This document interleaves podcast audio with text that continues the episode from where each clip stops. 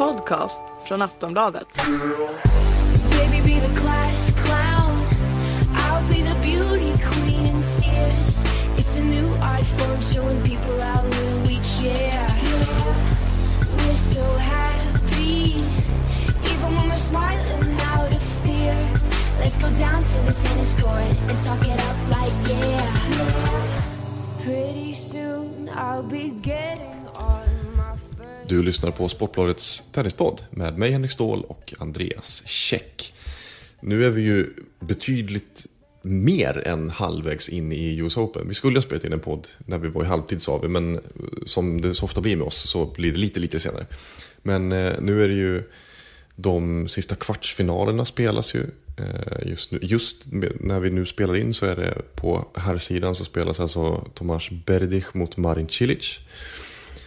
Men vi tänkte hur som helst gå igenom lite grann vad som har hänt under US Open hittills. Eh, vilka har varit de största skrällarna, vilka har varit de bästa matcherna, vilka spelare har visat bäst form och så vidare. och så vidare. Vi ska också snacka om den här eviga debatten om grunts, alltså stönanden slash skrik som spelarna håller på med. Ehm, detta efter att en kommentator på Eurosport eh, tyckte att Maria Sharapova eh, är alldeles för högljudd. Och då undrar vi så här, måste respektive Tor ta krafttag mot det här skrikandet? Det ska vi diskutera lite grann. I Nördkollen så ska vi gå igenom New York Times eh, stora enkät där de listar de bästa slagen i tennisvärlden. Och ja, ger våra synpunkter på den här listan. Och avslutningsvis så ska vi ju då titta lite grann på vad som händer eh, inom den svenska tennisen. Där är det ju framförallt Mikael Ymer som nu faktiskt är klar för kvartsfinal i US Opens juniorturnering. Och det är alltså vår första svensk i en kvartsfinal eh, i en junior Grand Slam för, eh, sedan Franska öppna 2009. Då Daniel Berta gick och vann hela eh, Tjottabalunsen. Men vi eh, sätter väl igång med att summera US Open hittills va? Ja, det kan vi göra. Eller jag kan börja med att gratulera dig för det fyller faktiskt år idag. Det är sant. Födelsedagspodd. Ja, precis. Det Tack så mycket. Mäktigt.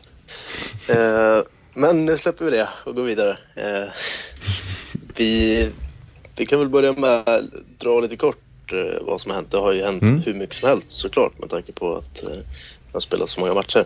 Eh, men för att inte bli alltför långdragen så kan vi konstatera att det har varit fler skrällar på damsidan än det var på herrsidan. Och att vi inför podden var överens om att det kändes mer öppet på herrsidan än på damsidan, var det inte så? Jag tror det. Sen alltså förhandsfavoriterna som ju är Roger Federer och Novak Djokovic är ju fortfarande kvar liksom. Mm. Eh, och Serena Williams är kvar på damsidan och sånt. Men det har varit en hel del skrällar på, i damernas turnering. Väldigt många spelare som har åkt ut. På här sidan så har ju de sidade spelarna hållit, hållit för trycket om man ska säga så. eh, Mm. I väldigt stor ut, utsträckning. Det är egentligen bara David Ferrer på här sidan som har åkt ut liksom oväntat tidigt. Ja, exakt. Honom lyfter vi fram som en potentiell semifinalkandidat. Ja, det kändes som att han skulle ha en bra chans för han är en stabil spelare och hade hyfsat fördelaktig lottning så. Men det gick inte, gick inte vägen. Vem var det han torskade mot nu? Ju, Simon. precis, så var det. I eh, tredje rundan va? Mm, exakt. Ja, den var ju lite oväntad. Eh, Ja, jag tyckte faktiskt att den var väldigt oväntad. Eh, nu nu har, ju, had- har ju Simon spelat väldigt bra eh, just nu i US Open. Han har ju haft en väldigt trög säsong hittills.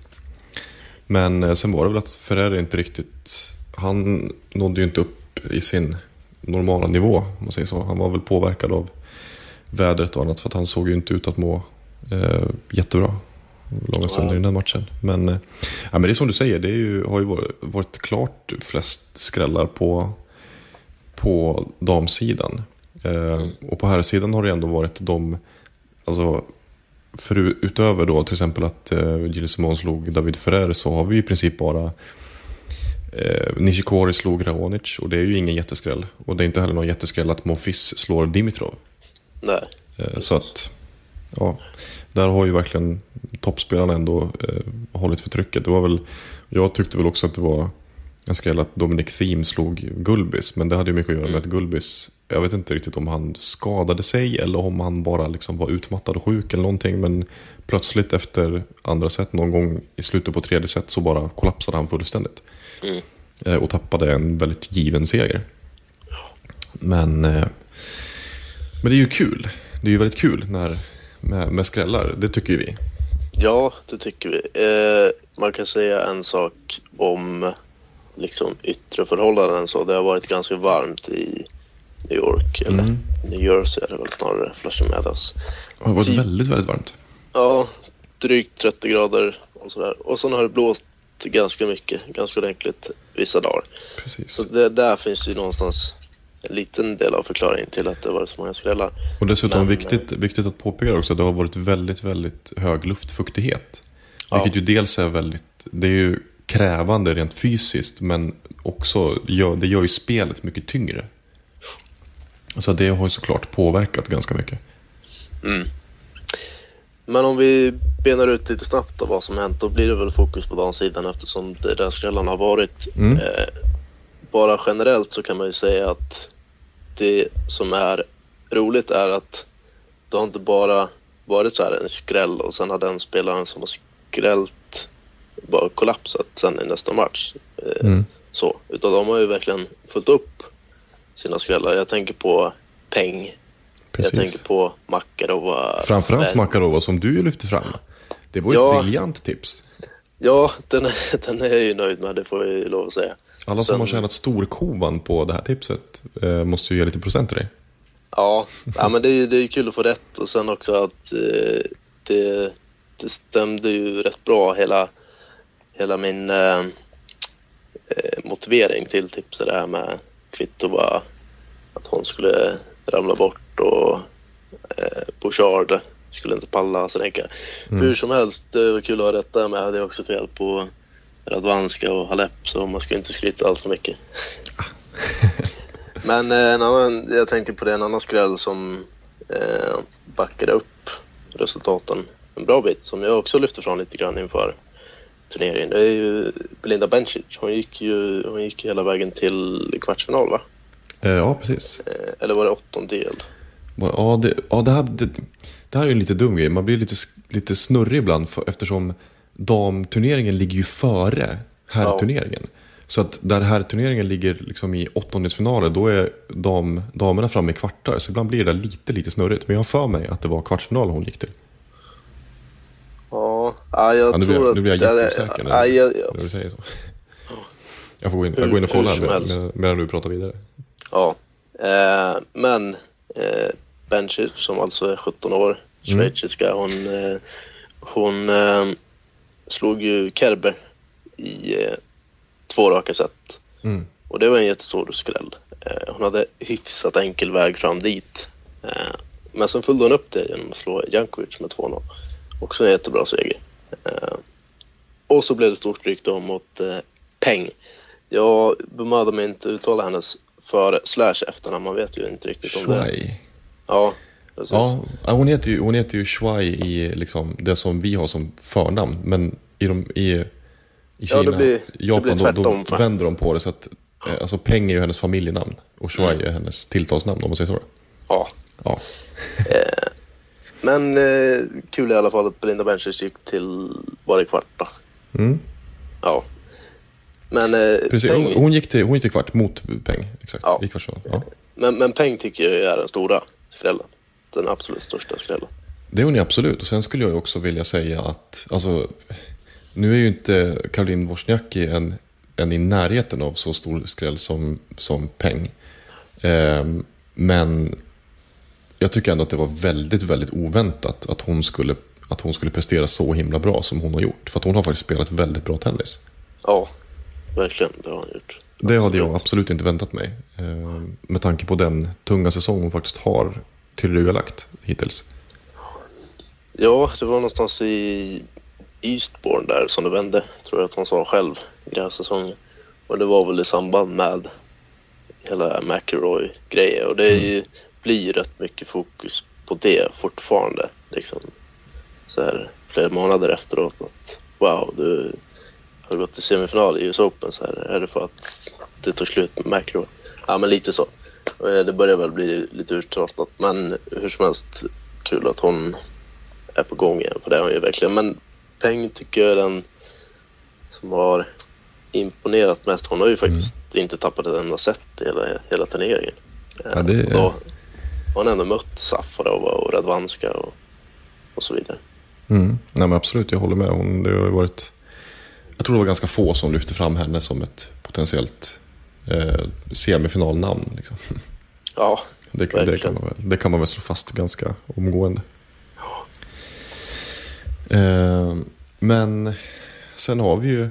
Alltså, ehm, det är också, jag, jag tycker ju också liksom att, att Azarenka, det är ju inte heller någon jättestor skräll att hon skulle ta sig till kvartsfinal, men jag hade inte väntat mig det heller. Så det, det, även, om, även om alla de här eh, kvartsfinalisterna till exempel inte är jättestora skrällar så är de alla på ett eller annat sätt oväntade, tycker jag. Jag hade inte väntat mig Azarenka i kvart, inte heller Belinda Bencic, inte Shuai Peng, inte Wozniacki och framförallt inte heller Sara Errani som vi ju båda dömde ut ganska hårt ja, på förhand. ja just det. Just Eh, det. det var ju ändå, det får man ju säga, det var ändå imponerande att hon tog sig hela vägen till kvartsfinal. Men de här semifinalerna som vi har nu, eh, Serena Williams mot Katarina Makarova och eh, Shuai Peng mot Caroline Wozniacki. Mm. Det är nog ganska få som, har pekat ut dem på förhand. Ja, övre halvan hade ju jag i och för sig, men den undre halvan var ju... Ja, precis. Jo, men det hade du ju. Du hade i alla fall 50% rätt. Ja, men den undre halvan är ju... Där var man ju inte ens i närheten. Nej, nej precis. Jag menar att jag tror att det är få som, hade, som har prickat in alla de fyra. Ja, precis. precis. Eh, ja, vad, vad tror du? Det känns väl ganska givet att ha Serena Williams som favorit. Hon har ju också imponerat, det får man ju verkligen lov att säga. Ja, absolut. Jo, men visst. Det känns ju som att hon är tillbaka är väl fel, fel ord. Det var, väl inte som, det var väl kanske inte så oväntat att hon skulle göra bra ifrån sig i USA. Liksom, eller så här, under den nordamerikanska hardcourt-svingen på något sätt. Nej, Men, eh, men eh, jag tycker ändå att den här matchen kommer bli väldigt intressant. Williams mot Makarova. Mm. För att Makarova, hon har ju enorm kapacitet. Så att det vore ju liksom ingen, det vore ingen superchock om Makarov faktiskt skulle lyckas krångla sig förbi Williams. Även om jag tycker att Williams är, är ganska stor favorit i den matchen. Mm. Ja, eh, de eh, drog väl sig ur eh, dubbeln här. Eller Serena skadade sig när de spelade dubbel med, med Venus här i dagarna. Och var tvungen att linda knät eller lår eller vad det nu var ganska hårt. Eh, men vad jag har hört så ska det väl vara lugnt. Eh, och är hon frisk så tror jag att hon vinner. Både Ja. semin och hela turneringen. Ja, men det, där är vi helt eniga faktiskt. Eh, en spelare så. Ja, Eller från, från, en, ska en, vi fortsätta? från en sak till en annan. Jag tänkte på vara frisk. En spelare som inte har sett så himla fysiskt fit ut på ganska länge nu egentligen. Om man liksom ska summera hela hans säsong. Men Andy Murray. Eh, nu såg inte jag hela matchen. Jag låg och sov under större delen av, eh, av kvartsfinalen mellan Murray och Novak Djokovic. Som jag förstod det så var de två första seten fantastisk tennis. Jag såg de två sista tennis, eh, seten och det var inte så himla fantastisk tennis. För att där var det ju liksom att Murray krampade och hade ganska, eller ja, inte jättestora problem, men han hade problem. Ehm, så det var väl inget så här... Jag satt inte morgonkaffet i vrångstrupen om man säger så, tittade på den matchen. Men eh, det kom inte heller som någon chock. Jag menar, första rundan, Andy Murrays första runda mot Robin Haase var ju en väldigt märklig historia. Eh, som gick till fyra set var det väl? Det gick väl inte hela vägen till fem set, det var det fyra set de spelade. Jag tror det var så. Jo, fyra var det. Ja, men Murray hade ju enorma problem där eh, och hade så här krampkänningar där också och kunde knappt röra sig. Stod liksom helt stilla i banan under långa stunder. Men liksom bet ihop och kämpade sig vidare. Sen har han ju sett bra ut. Och den, alltså, hans överkörning av Tsonga i åttondelsfinalen, den hade inte jag väntat mig. Jag trodde faktiskt att Tsonga skulle... Dels trodde jag att Tsonga skulle vinna den matchen. Men framförallt så trodde man väl att han skulle liksom bjuda upp till mer kamp än sådär. Mm, absolut. Men eh, det känns ju som att skrällarna har ju nästan egentligen redan nämnt. Om vi ser alltså de, de lite större skrällarna. Och det var ju typ Simon mot Ferrer och Mofis Dimitrov, Nishikori, eh, Raonic och så, såklart också Nishikori Wawrinka. Ja. ja, det får man ju verkligen lov att säga. Och det- Framförallt som, så som matchen blev. Eh, Mm. Wawrinka hade dubbla breakbollar i andra sets sjunde game och hade han breakat där fram till 5-3 eh, eller fram till 4-3 Mm. så känns det som att han hade stängt setet och matchen där och då. Eh, men eh, ja, matchen Mm. tog ju en annan vändning. Verkligen. Ja, men- det var, jag tycker ju... Ja, vi, vi, vi snackade ju om det inför turneringen här att eh, Nishikori kom ju åtminstone utvilad till US Open men han har ju haft skadeproblem och ty- tydligen så hade han ju sagt då inför eh, veckan att han var inte riktigt helt hundra, eller kändes inte helt hundra i alla fall. Men nu är han ju i sin första semifinal i en Grand Slam och han har ju, han har ju kapaciteten, det har vi ju vetat om. Mm. Eh, jag tycker det, personligen tycker det är jättekul att han faktiskt lyckas. För det är en, gärna, det är en spelare jag gärna ser liksom. Mm. Topp fem. Absolut. Nej, men jag, jag håller med. Och det är ju verkligen... Det har ju imponerat allra mest egentligen. Just att han sa det inför turneringen. Att han inte kände sig 100%. Han hade nästan planer på liksom att, att stå över hela, hela hardcourt-svingen i, i Nordamerika. Och bara så här, återhämta sig ordentligt. Men så tyckte han att det kändes tillräckligt bra för att spela. Och då har man ju tänkt att oj, men om inte han är, är så, så pass fit, då skulle han ju kunna torska mot liksom Andujar i andra rundan eller något sånt där. Um, men å andra sidan, när man tänker efter, men det var ju lite samma sak i, i Wimbledon och där, där tog han sig ändå vidare till en fjärde, fjärde runda var det väl, alltså åttondelsfinal mot eh, Raonic. Och där tycker man ju att eh, den här matchen mot Wawrinka var ju Dels var det ju en större skräll än att han slog Raonic. För att nu har han ju trots allt, han hade ju redan positivt eh, facit i inbördes möten mot Raonic inför den matchen. Och de matcherna brukar ju, de, kan, de, de blir ju väldigt täta när det är Raonic mot Nishikori.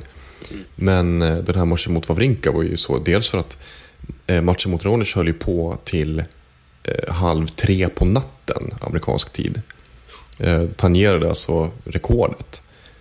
Och eh, så att han hade ju liksom inte speciellt, han hade inte så mycket tid till att, till att återhämta sig och man såg också ganska tidigt i matchen att han, han var väldigt trött, han var sliten och liksom han, han såg inte ut att vara 100% rent fysiskt alla gånger. Jag tyckte redan i första set, i första set så tappade han ju sin serve direkt liksom, i sitt första servegame.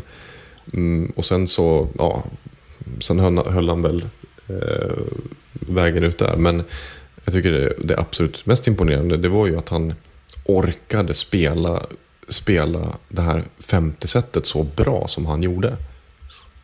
Särskilt också med tanke på att han i fjärde sets tiebreak så gick han ju upp från 0-4 till 4-4. Hade 5-5 och egen serve så han hade kunnat liksom få en setboll där till 6-5 och gjorde ett väldigt, väldigt grovt misstag med sin, med sin backhand där. Eh, och torskade det sättet. Så att både liksom mentalt och fysiskt så, så kändes det som att Wawrinka hade övertaget. Ja, ja, jag håller med. Men, ja, det var en riktigt, riktigt bra match Nishikori gjorde. Men nu är ju frågan, kan han hota Djokovic? Precis. Eh, och jag vill säga ja. Eh, men jag säger nej för att eh, dels för att Djokovic har imponerat mest av alla spelare i hela turneringen så här långt, tycker jag. Eh, och dels för att de påminner, varann, påminner om varandra ganska mycket i spelstil så, Djokovic och Nishikori. Men att Djokovic fortfarande är liksom snäppet bättre på de flesta punkterna fortfarande och över fem set så ska det helt enkelt gå serbens väg. Så tänker jag. Eh, men jag vet inte, lite, lite lurigt. Alltså jag skulle vara livrädd för att möta Nishikori. Absolut. Det, Eh, Och, jag, och jag, skulle, jag skulle inte ta en enda poäng hela matchen. Men alltså om jag sätter mig in i Djokovic kläder och tänker inför matchen, då skulle jag vara, då skulle jag vara skraj. Ja. Eh, ja, jag tycker väl att på sätt och vis så är det ju... Jag tror att det är en lättnad för Djokovic ändå att få Nishikori än att få Wawrinka. På Ja, något sätt. Måste man ändå säga. För att om man, alltså, om man bara ser, till, ser på pappret så har ju Wawrinka och Wawrinka, Wawrinka har ett spel som eh, är potentiellt svårare för Djokovic att hantera. mm, Medan som du säger att Nishikori och Djokovic spelar ganska, li, ganska likt. Eh, och där är det liksom att Djokovic egentligen är bättre. Han är snäppet bättre på liksom de flesta av de här punkterna. Eh, framförallt så är ju Djokovic har en mycket bättre serve än Nishikori. Eh, och, och är dessutom generellt en bättre returnerare. Även om Nishikori är en duktig returnerare. Så känns det som att liksom, ska man ska man på något sätt summera alla deras beståndsdelar i spelet så har, har Djokovic liksom ett litet övertag på alla delar gentemot Nishikori. Ja. Medan Wawrinka ju spelar liksom ett annat spel Eh, som är svårare för, för Djokovic egentligen. Men sen är det ju också det här med att, att Nishikori har spelat eh, längre matcher. Så att han har liksom, spänd, liksom har tillbringat mer tid på banan. Han var ju faktiskt liksom synbart trött mot Wawrinka. Eh, vad kommer han då vara nu då mot Djokovic när han har spelat två raka femsetsmatcher? Eh, som alla har hållit på till ganska sent på kvällen slash natten. Så jag säger som du. Det är lite så att hjärtat säger ju, hjärtat vill säga ja, men hjärnan säger nej. Det känns som att, på förhand känns det som att Djokovic mer eller mindre ska äta upp Nishikori. ja, jag håller med. Sen finns det väl en faktor man ska väga in även fast det är ju aldrig så att, man, att spelare på den här nivån underskattar en annan spelare. Men li, lite så är det ju att eh, hade det varit Djokovic Wawrinka i semi så hade alla vet liksom att Wawrinka har alltid en bra chans att slå Djokovic. Han har ju varit nära liksom flera gånger och Djokovic har jättestor respekt för Wawrinka och så vidare och så vidare. Men eh, Djokovic Nishikori i, i en final, framförallt liksom med dagens förutsättningar, som du säger, alla två raka femsetare som Nishikori har spelat. Alla förväntar sig att Djokovic ska ta sig vidare därifrån ganska enkelt. Och säga att han får någon så här risig start och liksom inte riktigt komma in i matchen. Säga att han är grunden med 0-1 i set och har break emot sig i andra. Då kan det liksom, ja, jag vet inte. Mm. Det är ju väldigt hypotetiskt. Förmodligen så, så ligger han ju inte under med 0-1 i set och break i andra. Men, men. Ja, ja men det... Om inte annat så är man ju väldigt glad över Nishikori, att han tar sig till semifinal. Det som är väldigt roligt nu också, det är ju att eh, nu har ju slagit sig in på topp 10 igen. Och det kommer också bli så att, eh, att eh, 7, 8 och 9 eh, på världsrankningen efter US Open, det kommer vara Raonic, Dimitrov och Nishikori. Mm. Och det är verkligen som tre av de stora framtidsnamnen. Eh, just nu, de som är liksom tronarvingarna just nu. Eh, så att. Sen finns det ju yngre spelare som, som kommer underifrån så att säga. Men det här är de som är verkligen de är närmast eh, toppen nu. Så att eh, det är ju väldigt kul. Sen jag skulle ju inte ha någonting alls emot att se en final mellan Nishikori och Monfils till exempel. Nej, det hade varit coolt. Den, alltså på sätt och vis skulle det vara jättekul också med en final med Nishikori och Marin Cilic. För att då skulle det också kännas mer på något sätt att, att det är liksom en, ett framtidsmöte egentligen. Nu är ju Cilic lite äldre, eh, men fortfarande så har han ju många år kvar på touren. Och kan ändå mycket väl bli ett, ett, eh, liksom en, en stabil topp 10-spelare. Eh, nu känns det ju som att, jag vet inte, vi har pratat lite grann om Marin Cilic och, och att man liksom har slutat, slutat hoppas lite grann på honom. Eh, på något sätt, lite grann som man har gjort med, med Tomas Berdych. Men jag tycker ändå att det vore, liksom, skulle vara ett positivt besked på något sätt inför framtiden om Nishikori och Marin Cilic skulle göra upp i den här finalen. Mm. Eh, men det troliga är ju att likväl att det blir Djokovic mot Federer. Ja, det är det ju. Eh, definitivt. Sen, ah, jag vet inte. vi, vi kanske ska passa oss för att liksom prata allt för mycket om vad som kommer hända på nedre halvan. Stalltipset är ju såklart att eh, det blir Federer, Djokovic i final. Men eh, Federer möter ju Monfils Mm. På natten nu, alltså några timmar efter att vi spelade in den här podden. Och Precis. ja, jag vet inte. Det, det känns som det finns lite skrällchans där. Ja, nej men absolut. Jag menar, nu har ju Monfils har ju inget jättebra facit mot eh, Federer. Det är väl, jag tror att Federer leder... 2-7 tror jag. Ja, exakt. Så Federer leder med 7-2 inbördes möten. Men två av de där segrarna har ju ändå kommit... Ja, På hardcourt. Ja, dels på hardcourt men också för inte jättelänge sedan. Han var en, en av dem förra året. Ja, jo. Jo, i Shanghai va? Ja, precis. Ja. Ja, Så, ja, kanske. Men jag vet inte, jag tycker ändå någonstans att det ska krävas så mycket. För att det känns som att Monfils fick ju Dimitrov precis där dit han ville i, i deras eh, åttondelsfinal. Eh, Dimitrov hade liksom inga svar på, på Monfils tempoökningar liksom. Och överhuvudtaget att han spelade lite, lite quirky ibland. För Dimitrovs, alltså om man ser det från Dimitrovs perspektiv. Det där, det där har ju Federer koll på. Eh, och jag menar Federer är ju, han är ju bättre själv på att, att eh, styra speltempot än vad Dimitrov är. Så Ja. Federer kommer inte vara lika sårbar för den, den sortens spel. Nej, det är sant. Alltså, det är klart Federer är jättefavorit så, men är det någon gång man ska slå honom i en kvartsfinal i en Grand Slam så är det nog nu. För det är fan... Eh, Monfils har inte tappat ett set. Han har inte fått någon sån här riktig mörsare i benen. Även fast han såg ju, han såg ju trött ut emellanåt mot Dimitrov. Han gör ju det ibland och man vet inte riktigt om det är liksom på riktigt eller på låtsas. Men eh, hur som helst så har han ju inte behövt eh, förta sig allt för mycket för att komma hit. Han har ju tagit sig till kvartsfinal för att han spelar, han spelar bra, inte för att han har Mm. slitit mycket. Så. så hans kropp är väl ganska fräsch, om jag får gissa. Mm.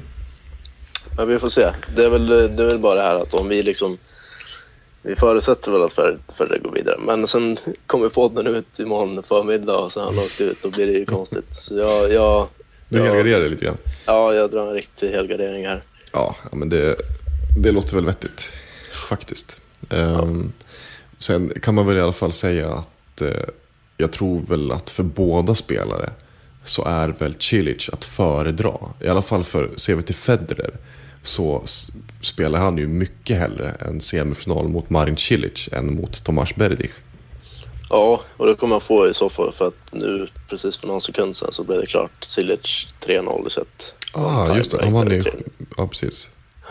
Vann i tiebreak där. Ja, Ja. då blir det så. Då blir det ju liksom lite drömlottning där för, för Federer. Att få Cilic istället för Berdych. Berdych har ju liksom ingen respekt för Federer överhuvudtaget i sådana här sammanhang. Och har ju slagit honom på de här stora scenerna förut. Mm. Så att... Eh... Mm. Ja. Ja, men det blir spännande. Eh... Har vi något mer att säga om turneringen så här långt i stort? Nej, inte vad jag kan komma på så på rak arm. Inte på rak arm. Ja, men jag håller med. Jag tycker vi kan eh, kasta oss vidare in i nästa diskussion. Nämligen, nämligen den här debatten om eh, grunts inom citationstecken. Den brukar ju liksom flytta upp till ytan ibland. Eh, det känns som att den är eh, ständigt pågående men ibland så här lågintensiv och ibland mycket, med mycket högre intensitet. Och det, den här debatten pågår ju från alla möjliga, möjliga olika håll. Eh, många experter som liksom går ut och kritiserar framförallt då damtennisspelare öppet och väldigt hårt. Eh, och nu senast var det då alltså eh, Eurosports kommentator Magnus Alsterback som eh, störde sig enormt mycket på Maria Sharapova under, under hennes match mot Caroline Wozniacki. Eh, och tyckte att så här, det låter ut sagt för jävligt, sa han väl. Ehm, och då är det ju det här, det som den här debatten har handlat om, framförallt det är ju att man tycker att, man ska, att det ska tas krafttag mot det här skrikandet inom citationstecken. Man ska införa någon slags regel. Att man ska ha någonting Jag vet att det har pratats om så här gruntometer som ska, som ska eh, liksom registrera hur, hur höga decibel och så vidare. Vad tycker vi egentligen om, om, om sånt här? Eh, jag tror att du och jag tycker lite olika här. Eh, jag har läst ett blogginlägg eh, om att eh, ja, låt dem stanna, eller vad, vad var det? Ja, låt, Mm, typ låt dem skrika. Fokusera på spelet. Mm. Jag håller med delvis. Jag kan ibland känna att debatten blossar upp bara för sakens skull. Eh, det räcker med att någon twittrar om det, skriver om det, säger någonting om det. Så ska liksom alla lägga sig i och så snackas det väldigt mycket om det och sen så rinner det ut i tomma intet. Så har det varit fram och tillbaka flera år. Eh, det blir mycket fokus på, på damerna just för att det är fler profilerade spelare, flera liksom stjärnor som skriker väldigt tydligt så. Eh, personligen så tycker jag väl att Carlos Berlock har det jobbigaste stön, stönet så Mm. lät. Det är den, det är den jag stör mig mest på eh, när jag hör det. Men eh, jag jag tycker också att det är, jag tycker det är ganska, ganska drygt. Eh, och det är värre live än på tv. Och jag ska passa mig för att säga för mycket för jag har inte sett så många dam toppmatcher så eh, live på damsidan. Men eh, Azarenka Sharapova i Wimbledon liksom med taket stängt. Där, där kan det låta ganska rejält. Och jag, jag, jag tycker som sagt att det, det är störande. Och jag kan förstå på ett sätt. Sharapova har gjort det som hon var liten tjej. Det är en vanlig sak. Det skulle vara väldigt svårt för henne att bara ställa bort det. Om det skulle införas en regel som säger att du får liksom någon slags bestraffning om du kommer över ett visst antal decibel. Det skulle aldrig funka. Att man kan nog inte bara ställa bort det. Och visst, hon stönar inte när hon tränar, men det är en annan sak. Att det är den här vanesaken liksom. Uh, men uh, summa summarum, jag tycker att uh, jag tycker det är ganska jobbigt att lyssna på och uh, det jag tror eh, kan vara den enda lösningen om man nu måste lösa det. Jag vet inte om man måste lösa det. Det Kanske bara försvinner liksom naturligt. Men det är väl det som VTA-pampen Stacey Allister var inne på för ett antal år sedan att man skulle liksom kolla på de yngre leden och försöka liksom förändra därifrån. Försöka bara införa någon slags oskriven regel där att typ försök hålla borta från det här. Att tränare talar om det för sina elever att försök och inte stanna nu. Bla, bla, bla. Men det är inte så lätt heller att säga åt liksom, en 14-åring att nu får du fan vara tyst. Det, det kan man ju inte göra heller. Jag vet inte. Nej, men det är väl... Det är, väl, det är ju lite det jag är inne på i mitt, det här blogginlägget som jag skrev då också. För att den här diskussionen har ju som sagt, den blossar ju upp ibland. I, och kan blossa upp ganska kraftigt. Och ofta så är det...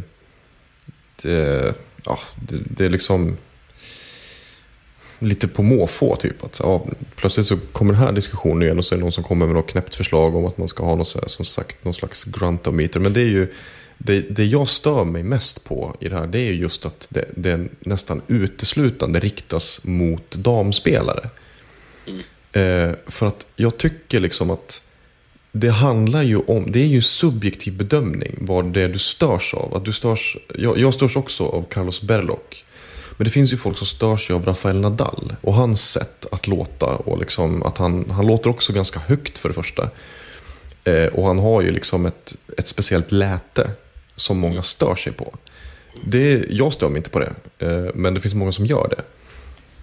Och, men däremot, jag har aldrig någonsin sett någon liksom prata om att man måste ta, ta liksom krafttag mot, mot eh, liksom det höga stönandet för att Nadal stönar. Och då är det så här, det är ändå ganska få spelare som, som det pratas om. Det är typ Sharapova, det är Azarenka, så här, det är några till. Och då kan man ändå faktiskt, men sätter man sig ner och kollar så går det ganska snabbt att hitta liksom ungefär lika många manliga spelare som man kan störa sig på. Jag stör mig på David Ferrer. Jag kan störa mig till viss del på Novak Djokovic. Jag kan till viss del störa mig på Andy Murray, jag kan störa mig på Jerzy Janovic. Så här, det finns liksom spelare som, som låter ganska mycket och som, eh, som har liksom en karaktär på sitt läte som gör, eller som, eh, som man kan tycka är så här, ja men fan måste han låta sådär? men n- på något sätt så, jag tycker inte att jag som tittare har liksom inga problem med att bara bortse ifrån det efter ett tag. Bara så här, men jag tittar på spel, jag skiter i att okej, Azarenka, hon, hon låter inte så hon låter inte så cool. Det är inte så mycket pondus i hennes läte. Det är liksom, ärligt talat, jag tycker att det är skittöntigt hur hon låter. Men alltså, vad fan, hon låter så. Herregud, jag kan inte, bry, jag kan inte sitta och bry mig om det när hon spelar så bra tennis. Det är lite så jag tänker.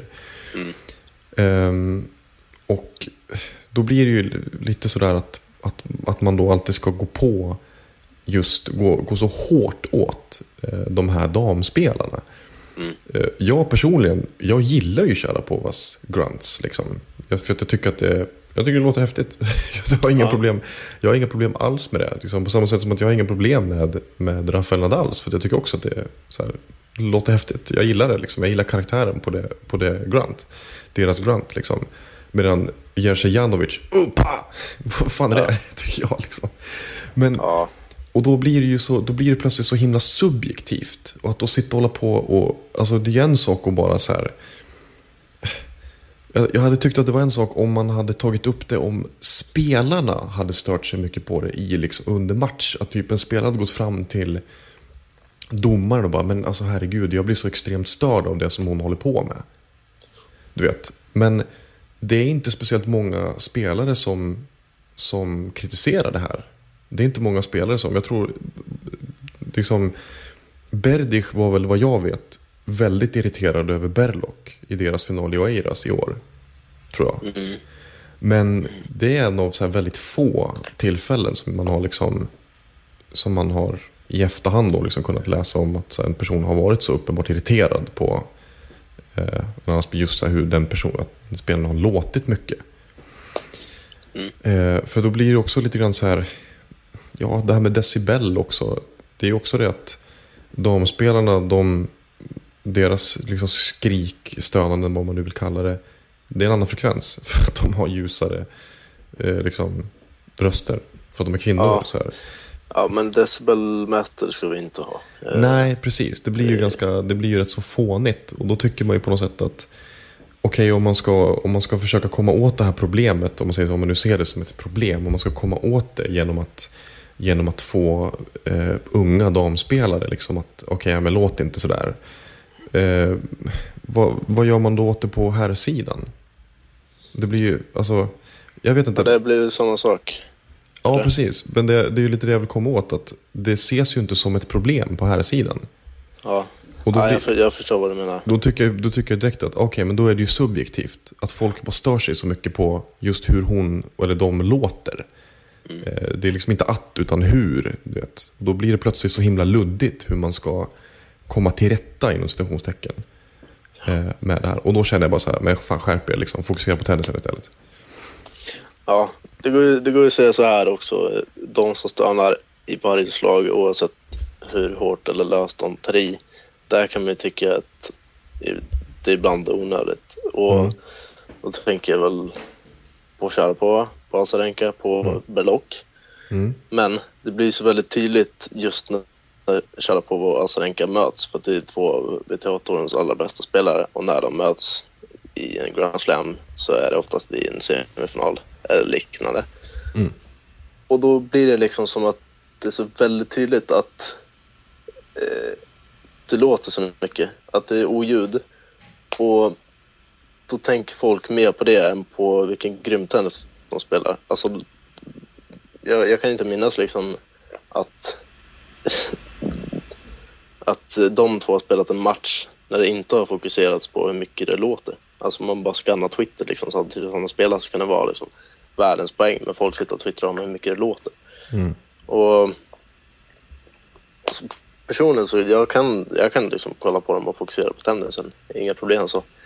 Men eh, det blir väldigt tydligt så. Eh, jämfört då när Nadal och Djokovic möts så det kan låta ganska ordentligt när de möts också, framförallt i slutet av matcherna. Eh, men där är det aldrig någon som tar upp det. Och det var lite det du var inne på, att det blir ju det blir större fokus på det när det, när det är damerna som låter.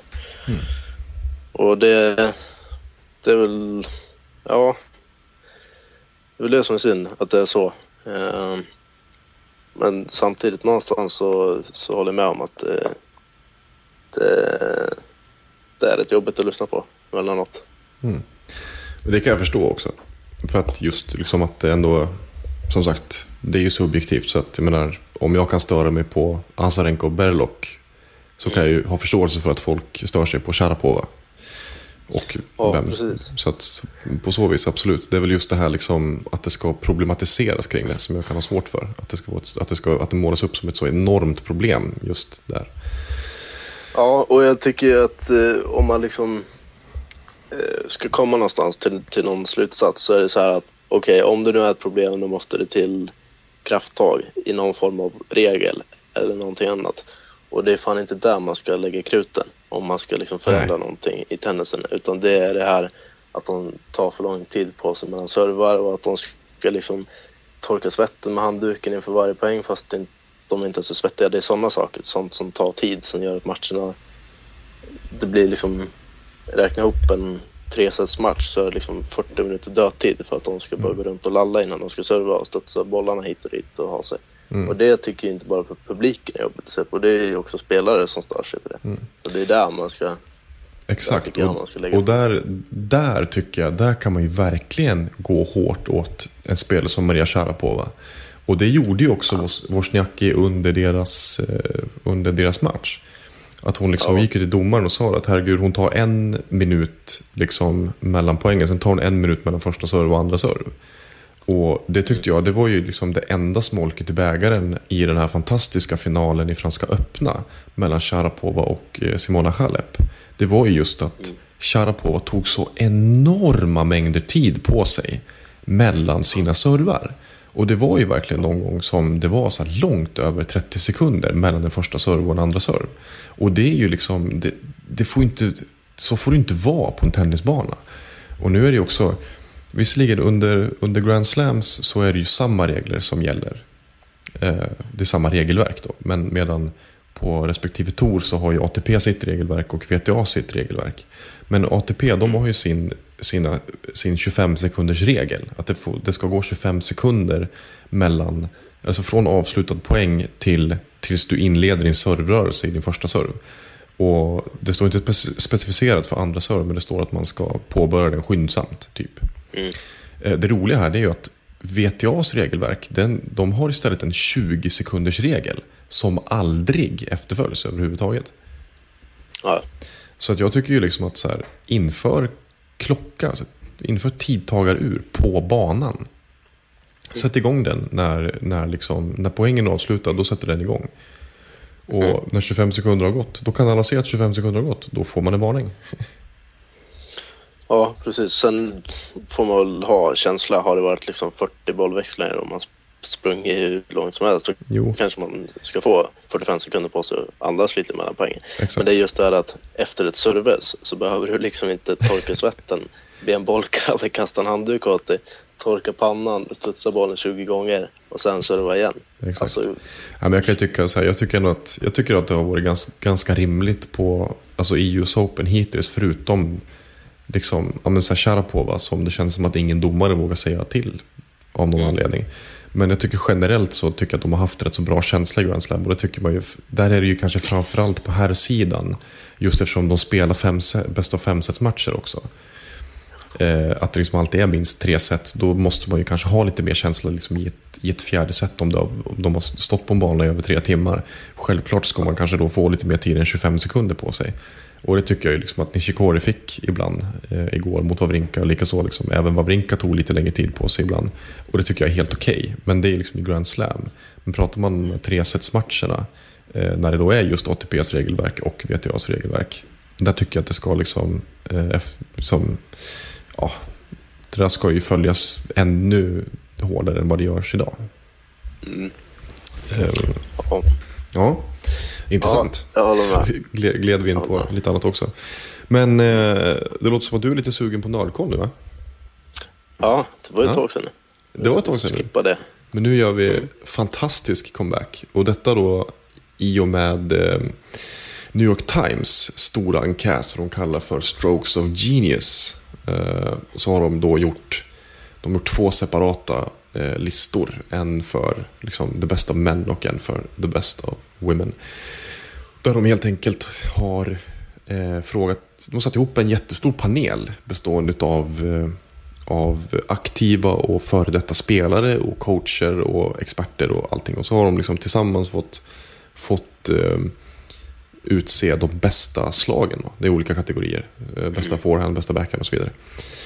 Men jag tänker att vi, vi gör så att vi bara drar, i, vi drar igenom den eh, rakt av bara. Eller de egentligen, det är ju två listor. En för män och en för kvinnor. Men vi drar igenom hela. Och så bara ger vi våra synpunkter på det. Ehm, det låter väl som ett bra, ett bra tillvägagångssätt. Så slipper podden bli tre timmar lång. Ja. Men eh, då är det ju då såklart eh, den första kategorin alltså bästa forehand. Och där på här, här sidan så ser det ut enligt den här enkäten. Rafael Nadal, etta. Roger Federer, tvåa. Jean-Martin del Potro, trea. Novak Djokovic, fyra. Och David Ferrer, femma. Eh, inte så oväntat kanske att Nadal toppar den. Nej, det är väl inte så oväntat. att um... det är det ju inte. Jag, jag eh, hade inte protesterat om Del Potro var etta. men jag, nej, det känns ganska rimligt. Jag är lite tveksam på om Ferrer ska vara med där. Jag tycker Mm. man kanske ska ha Gulbis eller... Ja, det, det finns flera som, som aspirerar på den femteplatsen. Mm. Men eh, överlag inga större invändningar. Nej, jag håller Ja. med. Ehm, för det känns lite som att Nadal, han har ju ändå en, en forehand som, som är effektiv mot i princip alla spelare på hela touren. Det är ju väldigt, det är få förunnat att ha en, en, en forehand som är så pass effektiv. Ehm, inte lika effektiv på alla underlag förvisso, men, men likväl. Så att, och jag tycker inte heller att det är speciellt förvånande att liksom Federer är hack i häl där. Jag håller med dig om att Ferrer har ingenting på den listan att göra. Och jag tycker ärligt talat Novak Djokovic, fyra på en lista över bästa forehand. Det tror inte jag att jag skriver under på. Där skulle jag nog vilja sparka in någon annan. Tveksam. Ja, det, där kan jag nog känna Ja, att det vilka, finns... vilka har vi det i så fall? Om vi skulle peta in några. Gulbis tänker jag. Ja, Kanske Gulbis har Songa. jag. Vad sa du? Gulbis? Sen? Eh, Songa kanske, när han eh, får till den liksom. Eh, Om, man, Ja. om man är jämn så.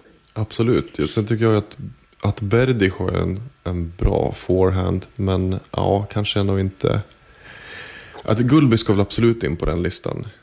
Sen finns det ju liksom spelare som Kyrgios har ju en väldigt bra forehand. Men han är ju så pass ung och liksom behöver ju utveckla den ganska mycket. Wawrinkas forehand är ju väldigt bra. Eh, ja, lite svårt. Men jag tycker kanske ändå inte att Djokovic har ska vara fyra på den. Ja, Ja, ja det finns lite, li- lite, lite tvek- tveksamheter. Men, men likväl tycker jag att den, ja, vi skriver under på den. Så har vi nästa kategori är då bästa tvåhands backhand. Eh, Djokovic etta, Murray tvåa, Berdych trea, Nishikori fyra och Gulbis femma. mm. Djokovic och Murray känns väl helt solklara? ja Eller hur? tycker jag. Rangordningen också. Djokovic etta, Murray Mm. tvåa. Den känns spikad tycker jag. Exakt. Men Berdych trea, nej, det, det håller jag inte med om. Nishikori fyra, nej, jag tycker Gulbis ska upp där i så fall. För jag tycker Gulbis har en väldigt bra backhand. Eh, både stabil men också ett vapen faktiskt. Eh, Mm. På många sätt. Så att där skulle jag vilja peta upp Gulbis. Och sen, nu vet jag inte, vi är ju...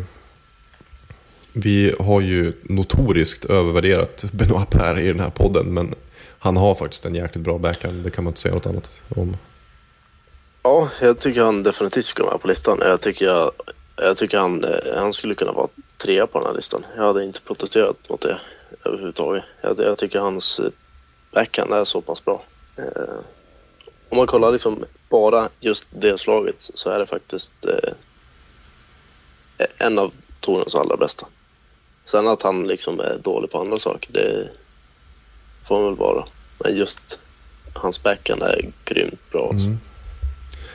Ja men det, det är den och det tycker jag liksom, säga vad man vill om Benoit Per men hans backhand går, går inte riktigt att orda om på det sättet tycker jag. Han har en väldigt, väldigt bra eh, tvåhands backhand så där skulle jag väl, jag skulle nog peta bort Berdych för jag tycker inte att hans, hans backhand är väl inte så, vad är, vad är det som är så himla speciellt med den? Nej. Tänker jag lite grann. Jag vet inte, det är väl att den är så flack också. Jo, Det det är hela hans spel, men ja. Mm. Eh, ska vi gå vidare? Mm. Ja.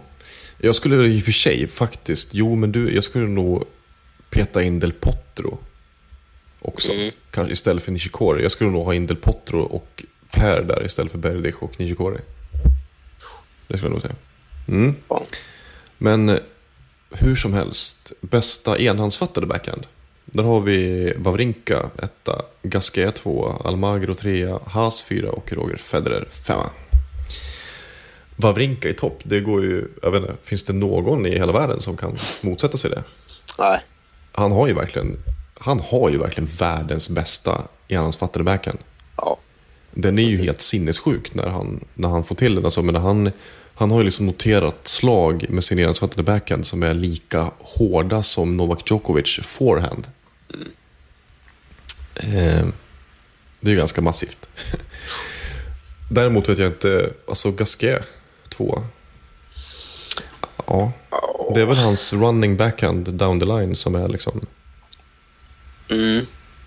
Ja, den är ju, den är ju bra. Liksom. Det finns inte, finns inte jättemånga alternativ. Vilka har vi med liksom, som spelar, spelar enhandsfattad Vi backhand? har ju Kohlschreiber, Jusjny. Ja. Eh, Ja, precis. Kanske att ja. skulle in där någonstans. Ja, i alla fall. Precis, nu blir det ju lite så här att man, bilden man har av Jusjny nu är liksom att han är kass. För det har han varit nu hela det här året. Men om, om man ser till de senaste åren. Så jo, Jusjny har faktiskt en, en bra enhandsfattad backhand. Det har Kohlschreiber också. Bara att den är ju inte liksom ett vapen på samma sätt som Wawrinkas och Gasquets backhand kan vara. Ja. Ehm, sen kan man kanske tycka att Almagros backhand är bättre än Gasquets till exempel. Men ja, jag vet inte, den liksom inbördes rangordningen under Wawrinka är väl kanske inte superintressant heller.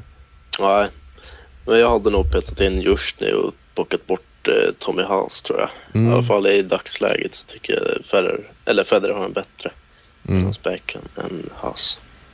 Jag håller nog med. Och sen om något år eller så, då kommer ju Dimitrov platsa på en sån här lista. Men just nu gör han faktiskt inte det. För att Nej. Hans backhand är inte speciellt spännande. Uh, går vi vidare så kommer vi till bästa första serv. Där har vi John Isner i topp, Ivo Karlovic tvåa, Raonic trea, Federer fyra och Kevin Anderson femma. Ja. Vad eh, säger vi om den? Eh, jag vill byta plats på ettan och tvåan. Jag tycker fortfarande Karlovic har den bästa första serven. Tycker jag. Jag håller med faktiskt, helt och hållet. Mm. Eh, och så tycker jag att Kevin Andersson har en bra serve, men jag tycker inte han hör hemma där. Däremot så är det lite svårt vem jag skulle vilja pilla in. Jag tycker det står mellan ett par namn. Vi har Songa, kanske Samuel Grott, kanske Albano Olivetti. Wawrinka Mm. tycker jag ska vara med i spekulationen. Gilles Miller. Det finns rätt många. Det fin- ja, absolut. Eh, jag skulle nog vilja slå ett slag för Berdych också. Mm. Han har en, faktiskt en väldigt bra första serv. Men eh, ja, det är svårt det där. Men det, då, typ spelare som, som Groth och de här, det är ju... Det är ju kanske... Alltså, de är ju liksom... De är på så pass låg nivå på något sätt. Jo. Så jag vet inte, det är väl det som kanske gör att, de liksom, att det är svårt att få in dem på en sån här lista. Ehm, men eh, jo, men jag håller väl, håller väl ändå med om i alla fall Berdych och, Tsonga. Sen är ju liksom Gulbis skulle jag kunna slänga in i spekulationen också. Eh, alltså Sam Querrey vet jag inte, men han har ju faktiskt en bra serve. Generellt. Ja. Det är väl mest att han liksom, den, den bara jag vet inte vad, som, vad händer med den när han ska spela i, i viktigare matcher. Liksom. Det är ju det.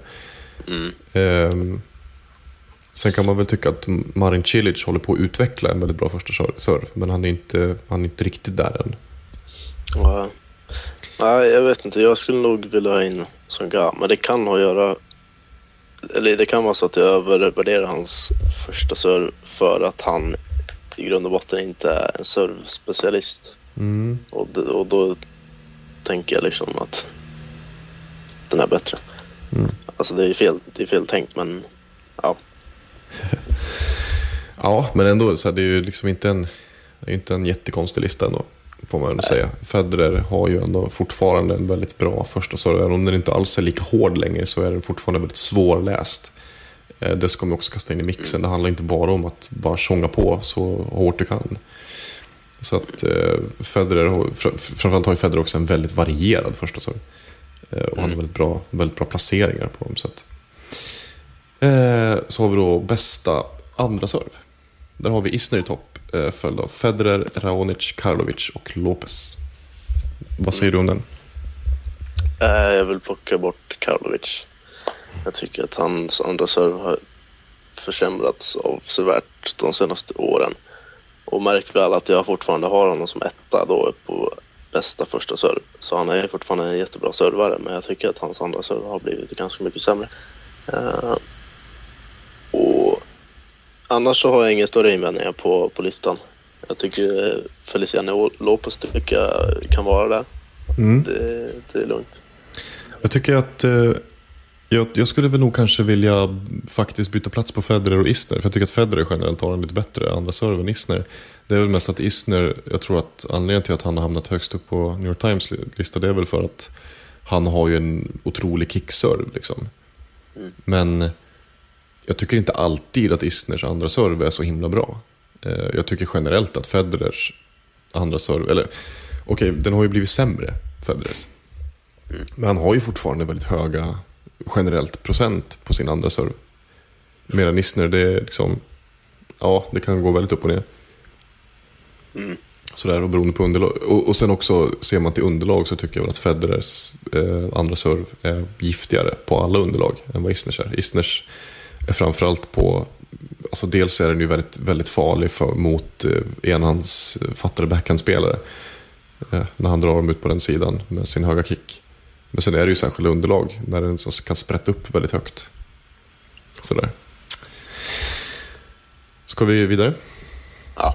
Ja, då har vi alltså bästa retur. Och föga förvånande har vi Djokovic topp, följd av Andy Murray, David Ferrer, Tomas Berdych och Rafael Nadal. Mm. Ja. ehm, jag tycker det är en ganska eh, bra lista. Jag skulle kunna... Ja. Jag tycker nog Nadal ska vara före Berdych. Ja, det tycker jag också. Jag, för, jag vet inte, är Berdychs returer topp fem i världen? Verkligen? Jag vet inte det. Jag, jag, Han är väl lite tveksam, kanske. Mm. Vem vill du ha in istället? Nishikori Ja, skulle jag nog jo, jo den, där skulle, faktiskt. den skulle man köpa. Ja, ja, absolut. Mm. Kanske, kanske att Ferrer ska förbi Murray. Eller? Ja, alltså det beror på. Det är väl typ att Murray har väl... Jag tycker väl att Murray generellt har kanske mer smartare, mer taktiska returer. Men han, vå, alltså han tar ju lite större risker också. På något sätt. Medan Ferrer, han är ju bara bättre på att få bollen i spel. Så att han ligger ju egentligen lite närmare Nadal. Alltså Nadals returer är ju inte bra. Han är ju bara väldigt bra på att få in dem i ett läge som är så här, liksom förhållandevis gynnsamt för honom. Det blir inte, alltså, vi har ju pratat om det där förut, liksom, med Nadals returer. Att han försöker få in, få in bollen i spel och sen så sa- satsar han allt på andra, sitt andra tillslag, så att säga. Så det, det uppfattas, det är ju inte alltid som det är ett liksom gynnsamt läge för honom direkt efter en retur. Som det är för Novak Djokovic som sätter enorm press. Det gör ju Andy Murray också. Så det är ju lite olika sätt att returnera. David Ferrer, han är ju mycket mer på säkerhet. Liksom. Så, ja. Ja. Lite knepig. Jag tycker att, men det är jämnt ändå tycker jag faktiskt mellan Ferrer och Murray. Jag skulle ändå vilja sä- säga Murray högre än, än Ferrer just för att Murray, Murray vågar mer och är därför giftigare när han får till det. Oh. Det köper jag. Sen kommer vi ner på en, en lista som är då alltså bästa volley. Och då har vi en dubbelspelare i topp. Två dubbelspelare i topp egentligen. Tre kan vi till och med säga. Men, eh, men i alla fall Leander Paes, han är ju, han är ju dubbelspelare. Så har vi Alex Stepanek på andra plats som är både singel och dubbel. Så har vi Mike Bryan, Roger Federer och eh, Michael Lodra. Den, den här listan är ju svår. För att, jag, vet inte, jag tror att du tittar mer på dubbeltennis än vad jag gör. Så du borde kanske ha bättre... Jag tittar väldigt lite på dubbeltennis men eh, jag tittar till, tillräckligt mycket för att, att gå i god för Leander Paes som gjuten etta. Det är liksom, han är i en klass för sig. Det är inget snack om saken. Han har den överlägset bästa volleyn. Mm. Sen Stepanek, ja. Mm. Jo, Mm. Ja, jag vet. ja. Ja. Jag vet inte, ska man ha några invändningar mot Mike Bryan kanske? Nej, det ska jag nog inte. Det Nej. känns som jag är ute på ganska hal is. Jag ser inte så mycket dubbel alltså. Nej, nej, precis. Jag blev ganska imponerad av Marcel Granoliers volley mot Federer. Ja, Det kanske, alltså, nu är i och för sig Granoliers en väldigt bra dubbelspelare. Men eh, alltså, jag tror folk som följer dubbel väldigt mycket, de, de blir ju knappast förvånade att liksom, nej. alltså, kan, kan vara effektiv i typ serve-volley mot Federer. Men eh, ja, alltså, vad ska man säga? Jag tycker ju att till exempel Rafael Nadal är väldigt underskattad volleyspelare. Men det är väl mest att han inte spelar så. Han spelar ju så otroligt lite volley. Eh, Andy Murray är ju också en duktig volleyspelare. Ja, Av toppspelarna så är det egentligen Djokovic som är, som är ganska, ganska okej, dålig är ju verkligen extremt överdrivet, men han är ju i alla fall den mest förutsägbara volleyspelaren.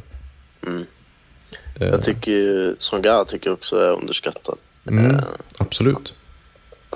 Han är expert på, på de här som dyker ner lågt precis framme vid nät och får tillbaka dem kort. Han har väldigt känsla i handlederna. Så. Men nu snöar vi in oss på duktiga singelspelare. Liksom. Det Ja. kanske är bäst att bara släppa det här. På Att jag tror det. Fan. Vi, jag, jag, ja, men vi är så. Då går vi på, på Best Overhead och det är ju alltså helt enkelt bara en, en, liksom, en smash. En, en rak och enkel smash. Där eh, toppas den av Federer, följd av Bryant, Songa, Max Mirny och John Isner. Jag kan inte ha så speciellt stora invändningar på den här listan för att alltså, hur många, hur många jättedåliga Smash-spelare finns det? Alltså, man har ju sett Djokovic göra några riktiga tavlor liksom. Eh, men ja, nej, jag vet inte. Jag tycker väl att visst, jag köper det. Ja, vi köper den listan. Och sen eh, Federer. Eh, det, det är inte bara att kunna smasha liksom en enkel smash. Han, han har ju de här ibland när han slår den felvänd liksom. Med Mm. ryggen mot. Precis. Och ja, alla som har sett highlights-klipp på, på dem på YouTube vet ju. Mm. Ja, men han är ju-. Han har ju en väldigt, väldigt stabil smash, det får man lov att säga. Det är det. Liksom. Nästa kategori det är alltså Best Passing Shot. Och det är alltså en passering, helt enkelt. Eh, Och en passering slås ju när den ena spelaren är framme vid nät. Och du passerar honom med ett slag. Där har vi Nadal i topp. Följd av Djokovic, Andy Murray, Richard Gasquet och Leighton Hewitt på femte plats. Mm. Det är ju spännande. Ja, men inte speciellt orättvist. Nej, absolut inte. Eh, Det är mest bara kul att Hewitt Ja. eh, är med där fortfarande. För att han är ju liksom, han är ju duktig på det. Och där är det väl svårt att argumentera för att någon skulle vara bättre än Nadal just på passing shots liksom. Ja, ja, Så han är given etta. ja, jag skulle ju säga Nadal och sen följd av liksom Djokovic slash Murray och sen kommer liksom resten ett sjok under. På något sätt. Ehm, Best touch har vi en, eh, en eh, kategori. Som väl typ tangerar volley lite grann, kanske. Men där har vi i alla fall Federer i topp, följd av Florian Mayer, eh, Radek Stepanek, Annie Murray och Alexander Dolgopolov.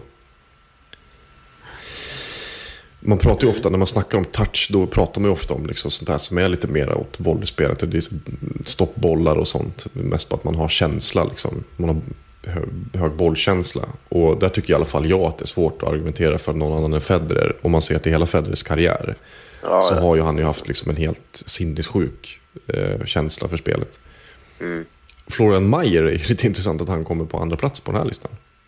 ja, det är ett litet luddigt begrepp så. Touch. Mm. Det är det ju absolut. Och det är väl kanske lite, lite subjektivt också vad man uppskattar. Jag uppskattar en spelare som Florian Mayer för att han har liksom oortodoxt sätt att spela. Likaså Alexander Dolgopolov. Eh, väldigt kul att spela, men alltså, jag vet inte, jag nöjer mig faktiskt med att säga att Federer är bäst här. Och sen tycker jag att resten är ganska irrelevant. Mm. Eh, nästa kategori, bästa rörelseschema. Djokovic topp, följd av Nadal, Monfils, Murray och Nishikori. Mm. Mm. Några, Eh, några invändningar här. Nej, egentligen inte. Det beror lite på man, hur, mycket, hur högt man värderar snabbhet. så. Eh, nej, alltså just den här topp fem. Det känns givet att det ska vara de här fem spelarna. Sen vilken ordning, ah, det kanske inte spelar så stor roll egentligen. Nej, nej men precis. Ehm, ja, jag håller med. Jag tycker väl att så här, Djokovic och Nadal är ju där uppe i topp. Liksom. Sen, de andra. Sen kan jag ju tycka att Nishikori har ju potential att bli en av dem. eh, en av dem alltså han har potential att toppa den här listan någon gång i framtiden. Det tänkte jag ganska mycket på nu, liksom de matcherna som jag sett med honom här i, i US Open, nu senast mot Varinka. Att eh, han har ju så här, han har ju väldigt bra adjustment steps. Vi har pratat om det någon gång i någon podd, i, möjligen i någon nördkoll kanske. Men just de här sista, sista stegen du tar eh, före, liksom, före, före sving och före bollkontakt. När du liksom tar små, små, små steg för att liksom komma in, kom, komma helt rätt till bollen så att säga. Eh, spelare liksom är ju eh, det är väldigt olika liksom, hur mycket hur, och hur ofta du använder de här adjustment steps. Till exempel så Djokovic har ju inte jättemycket sådana, utan han liksom brukar ju ja, han är ju också så pass snabb så att han kommer rätt till bollen. Eh, och så är han så van liksom, vid sitt eget fotarbete på något sätt. Men jag tycker, det, jag tycker Nishikori är en av de som utnyttjar eh, sina adjustment steps på bäst sätt faktiskt. Eh, om vi går vidare så har vi Best Mental Game. Inte så speciellt oväntat har vi Nadal i topp, följd av Djokovic, Federer, Ferrer och Hewitt. Ja. Ja, Eh, Hewitt, eh, det är för mig en gåta hur han kommer in på den här listan. Med tanke på alla matcher som han har, han har liksom chokat bort de senaste åren. Men ja, Ja, ja han, har ju, han får ju alltid cred för det. Liksom. Men det är väl för att, att han aldrig ger upp. Han kan lägga under liksom med 6-0, 6-0, 5-0, 0-40 och sen... Han ger aldrig upp. Man vet aldrig. Han kan ta det där till fem set ändå på något jävla sätt. Men Ja, precis. så förlorar Men då han oftast ändå till slut. ja, men då är det ju bara att man ser till liksom Best Mental Game när man är i underläge. Men Ja. Hewitt har ju verkligen sämst mental game när han har övertaget. Han kan ju Ja. liksom inte stänga en match. Och det tycker jag är liksom rätt viktigt där också. Och det, därför tycker jag ju liksom att Nadal eh, hör ju hemma på tronen här. För att alltså Djokovic, han är ju oftast i alla fall som allra starkast när han är i underläge. Eh, medan han, han ju också faktiskt kan ha problem, vilket vi såg nu i Wimbledon till exempel. Med att stänga matcher och sådär. Mm. Eh, ja, men annars, ja jag vet inte. Federer. Visst, man Ja, kan väl nej, ha... Jag vet. Jag skulle inte protestera om Ferrer klev förbi Federer. Nej. Nej, visst. Ja, men det håller jag tror, ja, visst. Det håller jag med om också. Bäst uthållighet. Där har vi Nadal, Djokovic, Ferrer, Federer och Murray. Och de som lyssnar på det här. Nej, jag skojar. Ja, precis. Nej, ja, men vi är snart färdiga. Vi är Nej, snart det färdiga. är, det är faktiskt bara två kategorier kvar. eh, ja, men det är väl ingen snack om saken. Det är väl Nadal där också. Mm. Eh, Djokovic, Ferrer, de får, får gärna vara på liksom delad andra plats skulle jag säga. Eh, Federer, Murray, ja de kan få vara på delad tredje säger jag. Ja, och eh, det finns ju, det finns ju potentiellt skulle kanske Monfils kunna vara med. Om man liksom ser det som en positiv grej. Han är ju liksom alltid trött så. Men eh, Han har om, kraft om, att spela. precis, om kategorin hade varit bäst på att spela när man är helt slut så hade Ja. han varit med. Och då hade Monfils vunnit förmodligen. Ja, Han och Nadal kanske. För Nadal kan också vara jävligt trött att spela på rätt hårt. Eh, ja. ja, intressant. Eh, det här är ju en väldigt rolig kategori. Konstigast slag. Och här, det är ju tre, inte ett dugg förvånande, men, men här har vi alltså Ernest Gulbis i topp. Följd av Alexander Dolgopolov. Och då är det alltså, det är Gulbis forehand vi avser här. Dolgopolovs serve och Bernard Tomic forehand. ja. Eh, Tomic forehand tycker inte jag liksom är så superkonstig. I och för sig. Det finns ju konstigare slag på touren än den. ja, det gör det väl. Absolut. Till exempel Florian Myers tvåhandsfattade slice, backhand slice. Den är ju lite kn- knasig liksom. Mm. Men, eh, Och- men Gul, Gulbis forehand, den kan man väl skriva under på. Den är, Ja, den är Absolut. ganska, ganska konstig. Nu tycker jag, jag säger ju dig positiv för att jag gillar ju liksom, jag gillar ju konstiga spelstilar.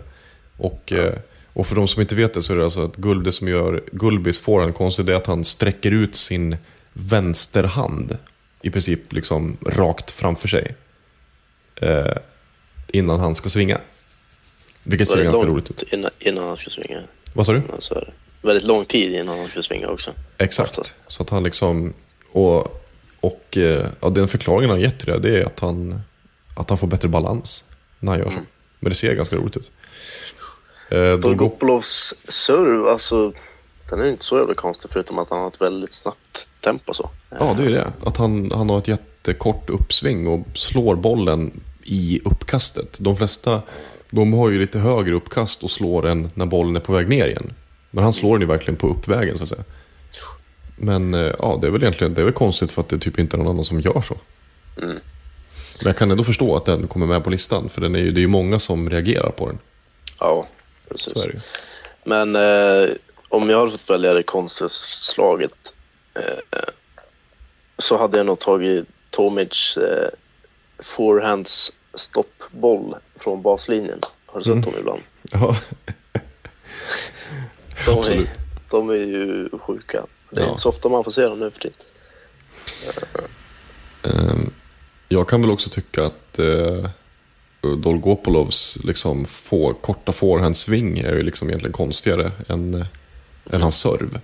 Men sen kan jag också tycka att, ärligt talat, nu är det väl för att man är så oerhört van vid Rafael Nadal, men det är ju faktiskt ingen som någonsin har slagit, det finns säkert, men det är ju ingen som slår så som han gör nu med sin, med sin buggy whip. Det är ju ett konstigt slag. Det är det faktiskt, liksom för att det inte är någon annan som gör det. Så att jag tycker nästan att typ Nadals forehand eh, är ju lite konstigare än, än Tomic forehand. Ehm, en enda avslutande eh, kategori här och det är alltså to play a match for your life. Alltså om man skulle välja en spelare som fick spela en match för en, ens liv. Liksom. Om ens liv hänger på det, vem ska spela den matchen? Ja, kan du gissa vem som är topp där då? Det är inte svårt. Nej, och det är Nadal och jag hade valt honom också. Ja, jag också. Det är Nadal, Djokovic och sen Federer. Ingen jätteoväntad lista, kan jag tycka. Nej, nej, verkligen inte. Vad säger du, hinner vi, hinner vi bränna igenom damernas också? Eller ska vi spara den till, till nästa gång kan vi faktiskt göra. Ja, det Så, tycker jag, jag. så gör vi lite cliffhanger på den. Det blir, Ja. det blir ju lite, det blir lite tradigt liksom. Ja, jag är rätt mosig också. Klockan börjar smyga framåt eh, midnatt här. Midnatt, absolut. Ja, men då, då gör vi så här, vi sparar, nästa, vi sparar andra delen på den här, den här nördkollslistan till, till nästa podd. Ja, Det är spännande. Så går vi vidare här och, och snackar lite svensk temp. Eller tar, tar tempen på den svenska tennisen som vi ju brukar göra. Och där är det ju framförallt Mikael Ymer som nu är klar för kvartsfinal då, i eh, juniorturneringen i, i US Open.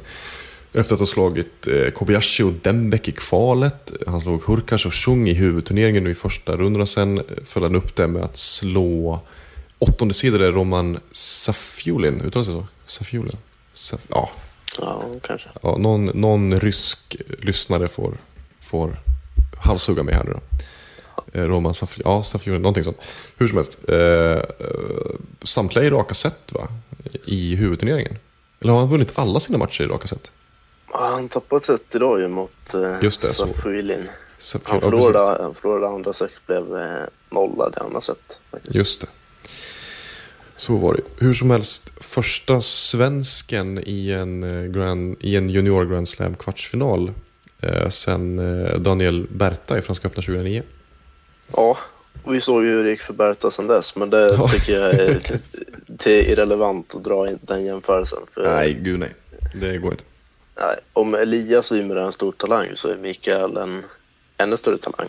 Så, eh, du har ju sagt det någon gång förut också, att det är oftast Mikael som har lyft fram som den största talangen. Så.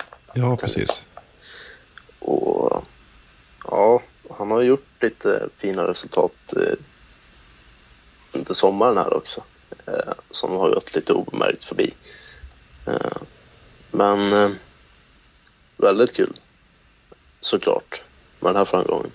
Sen vad det innebär på sikt, det får vi väl se. Men det är väl det är bra att han gör resultat. Sen hoppas vi att han ska göra det om två, tre år också.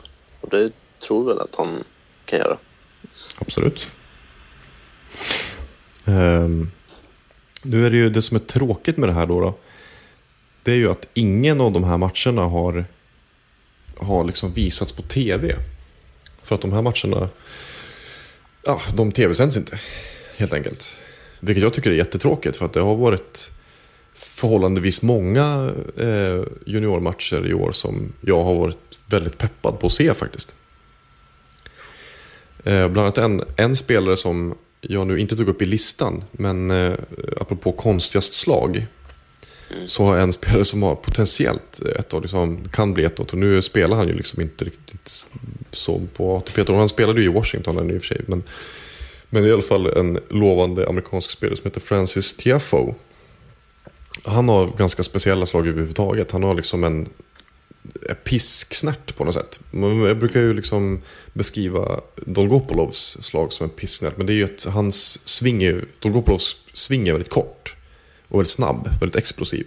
Medan mm. Tiafoes är liksom, den är lite mer sävlig. Men fortfarande liksom väldigt böjlig på något sätt. Så här, det ser nästan ut som att har en gummiarm typ. Och så här piskar till den så här. Och har en fantastiskt bra forehand för övrigt.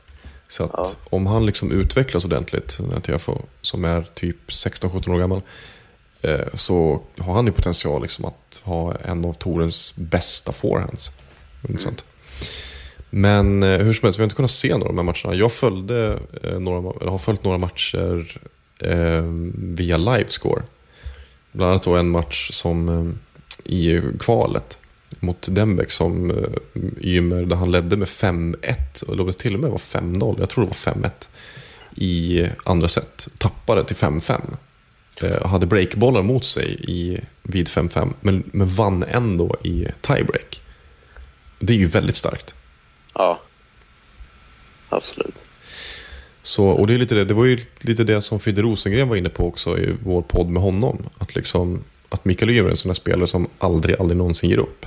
Överhuvudtaget. Liksom, att han inte blir så nedslagen av, av att han har underläge. Liksom, eller att han har tappat ett övertag. Så det känns ju väldigt positivt. Men eh, fantastiskt kul att han är, att han är eh, klar för kvartsfinal. Mm. Hur har det sett ut i övrigt på, på, liksom, på den svenska scenen? På- så? Ja, jag, tänkte, jag trodde du skulle fråga en juniorturnering här, det var tur. För det har jag fan ingen koll på. Nej, men, Nej, men eh, eh, vi hade ju tre svenskar här i en och samma Challenger för inte så länge sedan. Vilket Mm. var första gången på ett bra tag. Eh, det var väl Lindell som gick till kvartsfinal där va? Exakt. Torskade mot, ja jag minns inte vem det var han torskade mot. Hur som helst. Det var nog Andreas Bäck va? Ja, det kanske det var. Jag tror det, idag. Tidigare idag. Jag har för mig att de spelade mot Resbeck och förlorade den. Ja, men Ja. det har ju i alla fall tagits ut en DC-trupp här till matchen mot eh, Rumänien. Eh, och det blir ju inte helt oväntat Ymer och Lindell som kommer stå för singelspelet i första hand. Det, det är ju väldigt positivt. Ja, det är det ju. Verkligen. Det, har ju, det är många som har efterlyst liksom att, eh, att det ska vara de som gör bäst ifrån sig som ska få platserna och eh, nu är det ingen snack om saken att det är Elias och Lindell som är våra två bästa singelspelare. Mm. Så är det. Sen, sen blir det svårt att vinna mot Rumänien eh, med tanke på att eh, Robert Lindstedt skadade sig i US Open när han spelade dubbel.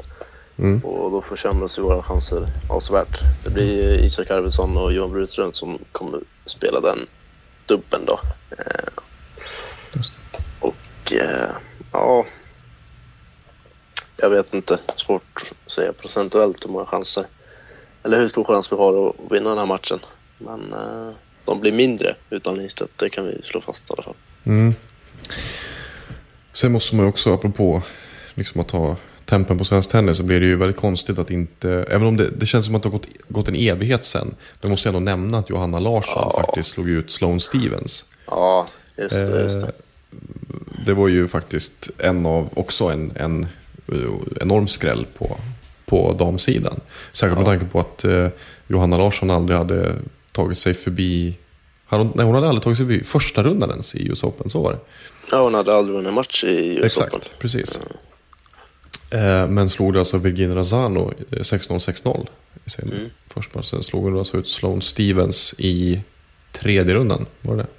Nej, Nej, det var andra rundan. Just det, det var andra rundan, precis. Och så torskade de mot Jankovic i tredje Just det, så var det. Precis. Men, eh, men likväl, fantastiskt bra. Och återigen så liksom vände ju Larsson ett ganska liksom, stort underläge. Eh, hon topp, tappade ju första set och låg under med 0-3 var det väl, i andra. Ja, Mm. hon slog hon. Precis. Så att, ja, men det är ju otroligt kul att se liksom, Larsson eh, fortfarande ta kliv framåt. Eh, Ja. Ja, verkligen. Eh, och jag vet inte exakt vad hon ligger på rankingen nu. 75, 76. ja, något sånt. Jag vet inte Jag exakt. inte. Jag vet inte vad hon landar på. Eh, efter... Ja, vi får väl se efter ja, på måndag. Men eh, det i alla fall innebär ju att hon kommer ha stor chans att bli kvalificerad till Indian Wells och Miami i början på nästa år om hon gör lite bra resultat nu under hösten Exakt. också. Det ser ut som att hon För det- kommer landa på plats 78 efter US Open är över. Ja, okej. okej. Mm. Ja, då behöver hon väl klättra ett par placeringar till där för att vara kvalificerad till de två. Mm. Premier Mandatory är väl båda två. Indian Wells och Miami på Exakt. damsidan. Det är de.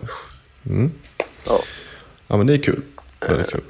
Mm. ja, men det är kul. Jag snackade med henne efteråt. Då var jag i och för sig direkt efter hon hade torskat mot Jankovic så hon var ju sur och så. Men eh, vi kom väl överens om det båda två att det blåser lite sköna vindar nu i de svenska tennisseglen. Mm. Eh, är inte bara Johanna Larsson, vi har ju äv- även Rebecca Pettersson som Johanna tror jättemycket på henne, tror att hon kan bli hur bra som helst. Eh, och så det har vi ett framtidsnamn på damsidan, så har vi Lindell och Ymer på herrsidan och Mikael och Ymer och så vidare och så vidare. Mm. Så det är bra. Mycket, mycket bra. Eh, har vi glömt något? Ja, det har vi säkert. Men eh, det känns som Ja. att det ändå är dags att avrunda. Ja, för fan, det blev en ny podd på tisdag Ja, eller sånt, så vi får Exakt, ta det ja. i fall. Vi säger tisdag, då blir det väl lördag förmodligen. Ja, exakt. Eh, men i alla fall, nej men vi, ska, vi, vi kommer ju såklart att summera hela Tjotobalunsen sen. Det gör vi alltid. Och blicka lite framåt. Ja, Ja, visst. Ja, det var ändå ambitiöst att spela in en halvtidspodd. Det blev det inte halvtid, men tre kvart podd då. Ja, exakt. Ja, men det, det tycker Ja.